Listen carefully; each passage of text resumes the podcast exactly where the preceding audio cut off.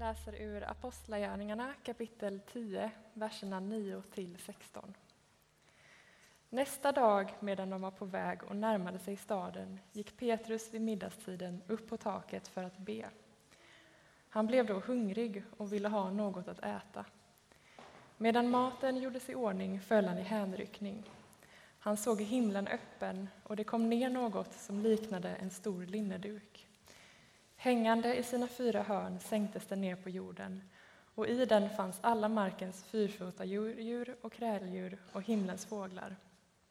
En röst sade till honom Petrus, slakta och ät. Petrus svarade Nej, nej, Herre, aldrig har jag ätit något oheligt eller orent. Då hörde han för andra gången en röst. Vad Gud gjorde till rent skall inte du göra till orent. Detta hände tre gånger och sedan lyftes duken strax upp till himlen. Så lyder Herrens ord.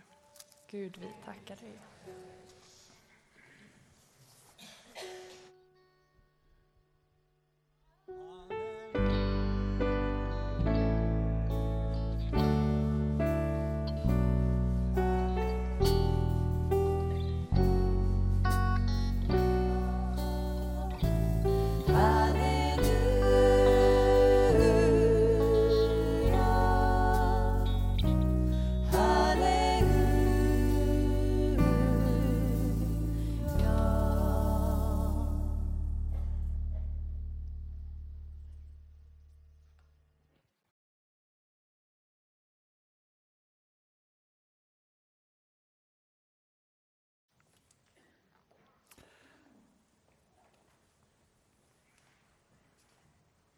Himmelske Far, du som var här före oss, du som har varit här hela veckan, du som följer oss där vi befinner oss. ber vi att du låter din heligande öppna oss för dig, för ditt ord. Amen.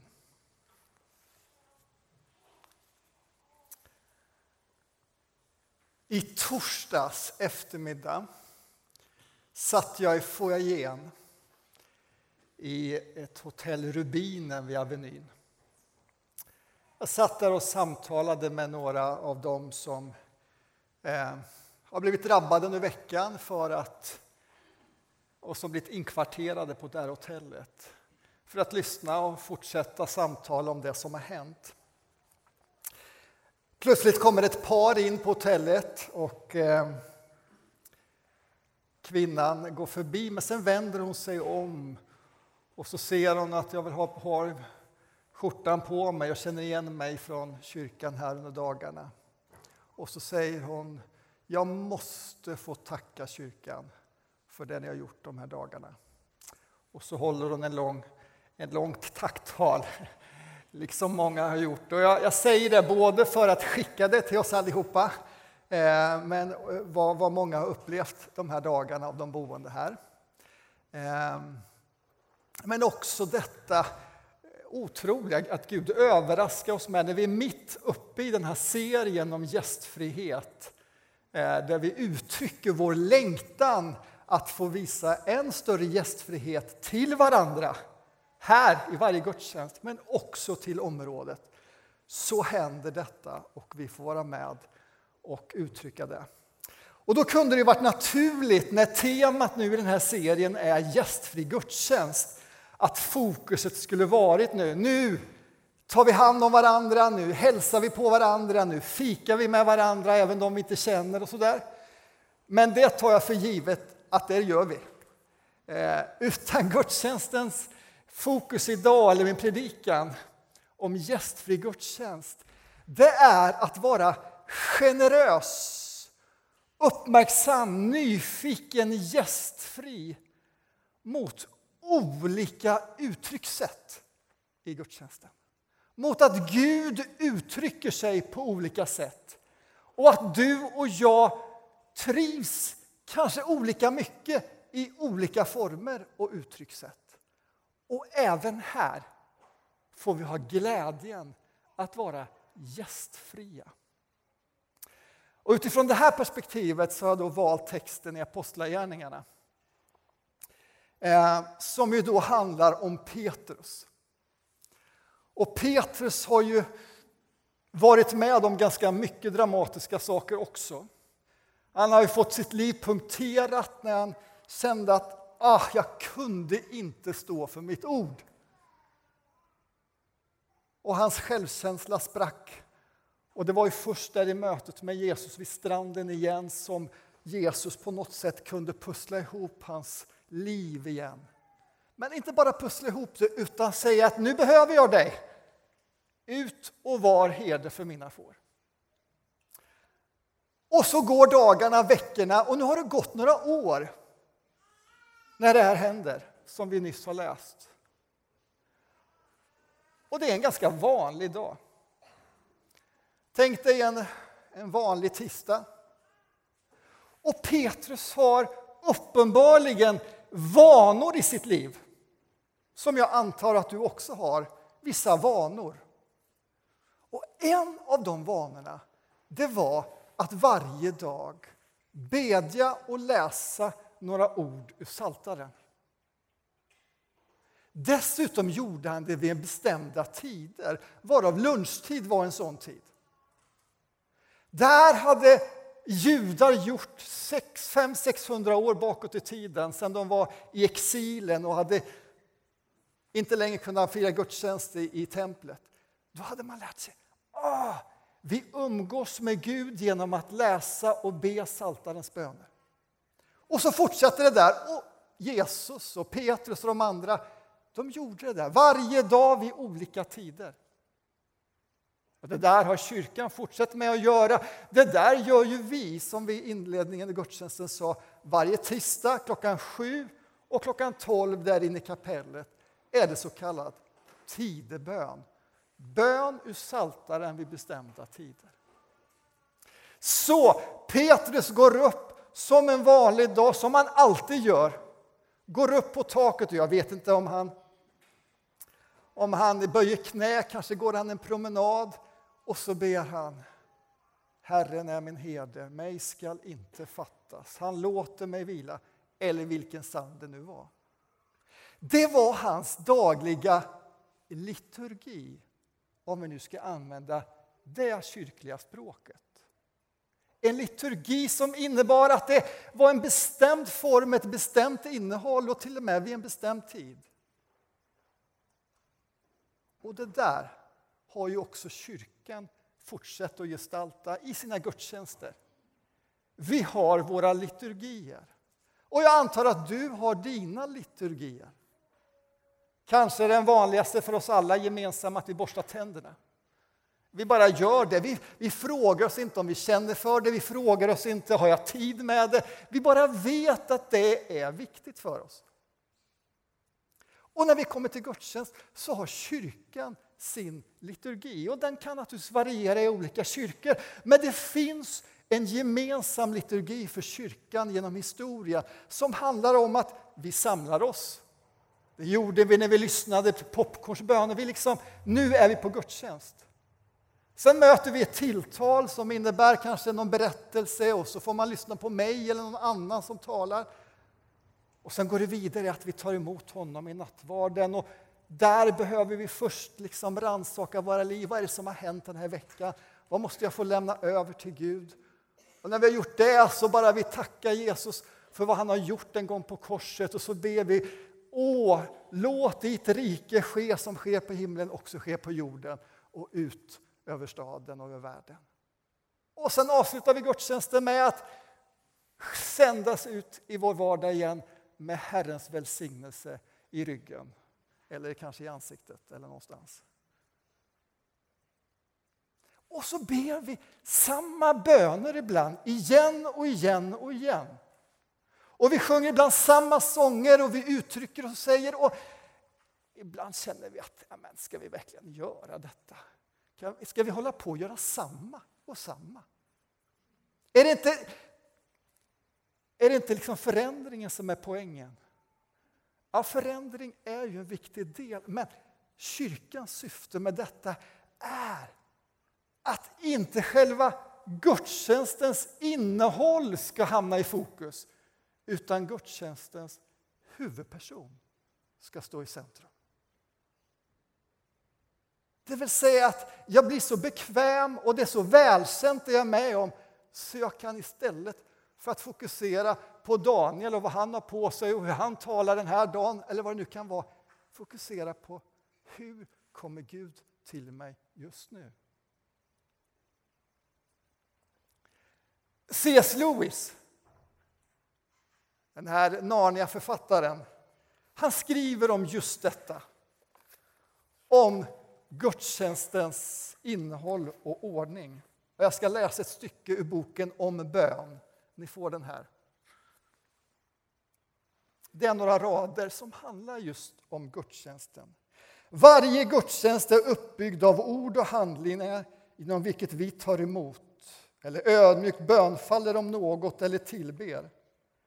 Gudstjänsten sätter oss bäst i stånd att göra allt detta när vi på grund av lång förtrogenhet inte behöver tänka på det. En bra sko är en sko man inte tänker på. Den fullkomliga gudstjänsten borde vara den som vi är nästan omedvetna om. Hela vår uppmärksamhet skulle vara riktad mot Gud. Men varje nytt påfund förhindrar detta. Det nya fäster vår uppmärksamhet på själva gudstjänsten och att tänka på andakten är något helt annat än att hålla andakt. Således mynnar faktiskt hela min liturgiska inställning ut i en bön och kontinuitet och enhet. Jag kan nöja mig med vilken slags gudstjänstordning som helst, bara man håller fast vid den. Men om mönstret förrycks just när jag börjat känna mig hemma med det, då kan jag aldrig göra några framsteg i min andakt. Man ger mig ingen möjlighet att förvärva en uppövad vana. Gudstjänsten som en ganska välingången sko. Det är ju tur att jag är på distans till er här. För de här skorna har jag använt i många år, så de är väl ingångna. Eh, och nu tänker jag kanske till dig som är här för första gången och, och känner att allting är nytt och allting är liksom välkommen och bara häng på.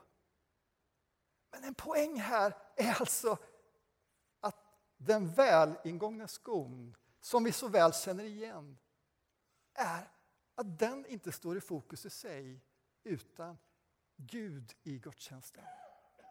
Och det är därför som vi återkommande ber och gör samma sak igen och igen för att du och jag ska vara trygga med att kunna slappna av och känna att Gud, nu vill jag möta dig i detta. Det var en utläggning av Petrus bön i den här middagsbönen. Han gör sin liturgi, sin fasta ordning. Men så fortsätter ju berättelsen. Vad händer? Ja, när Petrus ber och han ber sin bön och han förväntar sig kanske inte särskilt mycket mer än att få be detta därför att han vet att det gör någonting gott med honom. Igen och igen och igen. Då överraskar Gud med någonting nytt. Alltså, han börjar helt plötsligt se någonting han aldrig har sett. Han hör någonting han aldrig har hört. Och Gud kliver in i den där givna skon som han har, liturgin i sin dag. Och så överraskas han. Och så spränger, höll jag på att säga, men du får använda det ordet den här veckan, Gud hans fasta liturgi med att kliva in och överraska och tala och agera i något som Petrus aldrig kunde ha förväntat sig den morgonen. Och min poäng är nu inte vad Gud säger i den här synen, utan poängen är Guds sätt att överraska. Och den här överraskningen fortsätter ju under dagen därför att det kommer ju besökare som knackar på och som säger kan du följa med oss till en militär, en romersk militär. Han vill prata med dig Petrus. Och så fortsätter det kapitlet och så slutar dagen med att Petrus får tala till någon som han aldrig kunnat anat på morgonen att han skulle få tala till. Denna officer.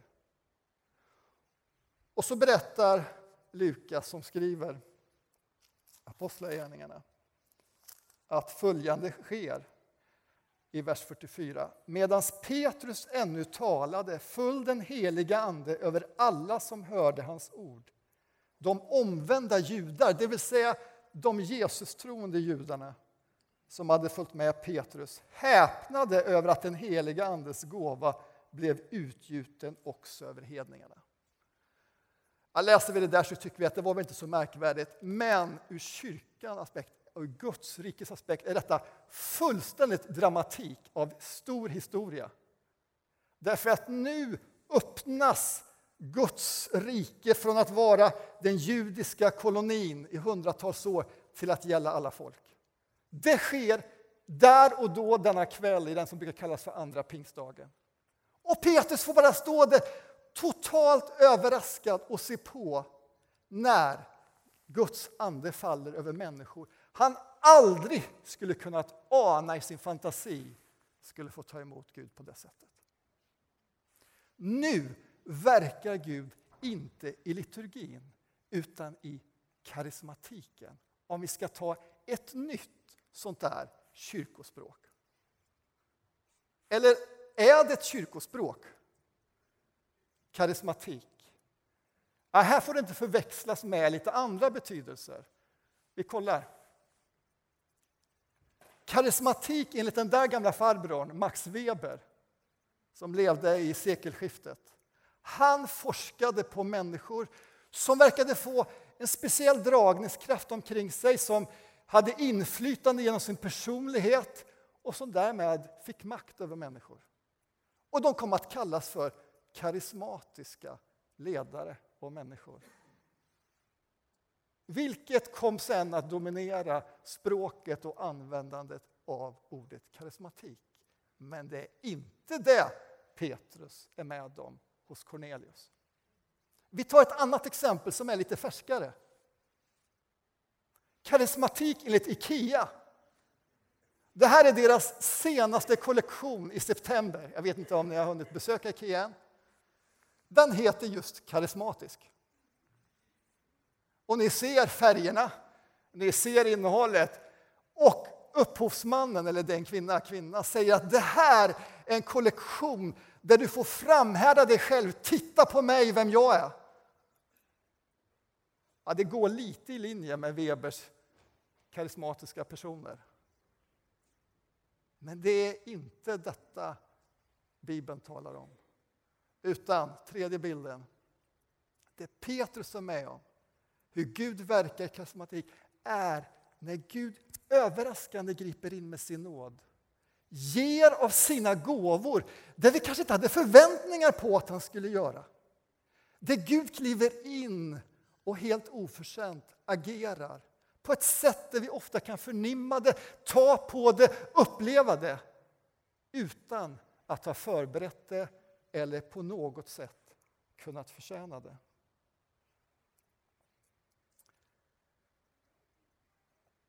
gästfri gudstjänst. Vad har med det här att göra? Jo, Gud verkar i den ordnade formen, slitstarka, upprepade. Och Gud spränger den genom att överraskande kliva in när vi inte kan planera eller göra. Här är två sidor av hur Gud verkar och Guds ande verkar. Och har vi inte sett någonting av detta den här veckan? Eller? När Daniel Lindell på tisdag morgon går liksom Petrus till tidebönen, inte på taket utan till Saronkyrkan, som man alltid gör på tisdagsmorgnar.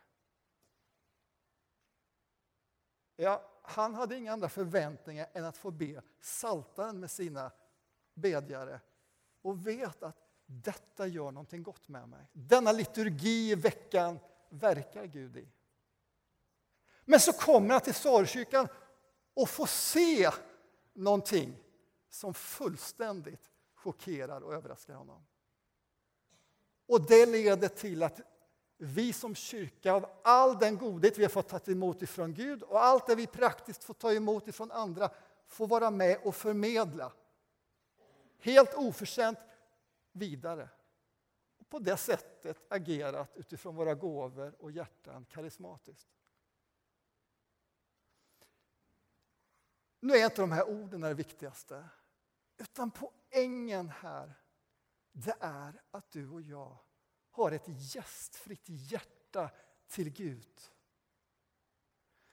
Därför att även i det karismatiska kan vi känna ett obehag. Därför att poängen där är ju att vi förlorar vår kontroll. Och flesta av oss känner att det är obehagligt att förlora kontrollen.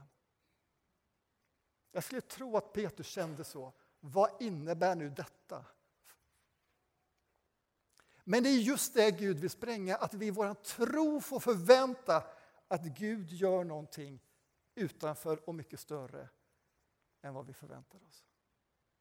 Och det här har med en gästfri attityd mot Gud, men också mot varandra. När en del känner jag upplever Gud, möter Gud kanske tydligast i det ordnade, i det välkända.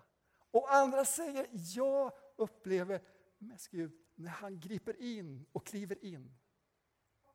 Och det är Guds handlande i båda. Men på tisdag morgon nästa vecka, då kommer Daniel på nytt, tror jag, gå hit och bedja med sina bedjare, tidebön. Och förmodligen kommer han inte bli överraskad av samma syn igen. Men han gör det för att han vet att detta gör någonting gott. Och att vi ytterst sett inte kan leva på syner eller kickar, utan det där dagliga vecko, månaden, liturgin vi har i våra liv. Nu ska jag avrunda och ska säga bara när det gäller det här överraskande momentet när vi möts. Vart finns det någonstans? Ger vi utrymme för Gud att göra det? Att framför allt ger vi utrymme där en planerar. Därför att i förbön så kommer vi i ordningen att människor får komma dit och så ber vi Kom heliga Ande och så får vi se vad Gud gör. Och vi kan inte ta ansvar för det. Ibland händer någonting och ibland händer det inte. Där kliver Gud in i det här överraskande momentet. Men vill vi inte ha det också i hela gudstjänsten? Jo, absolut. Och därför finns möjligheten under rörelsen som kommer vara strax. Om du upplever att Gud har gett någonting till dig som du känner att detta måste jag få vara med och förmedla till någon eller till hela församlingen. Kom gärna förbi mig då under rörelsen så får vi lyssna in det tillsammans och så får jag förmedla det vidare till församlingen. Och så får vi se vad Gud fortsätter att överraskande säga till oss.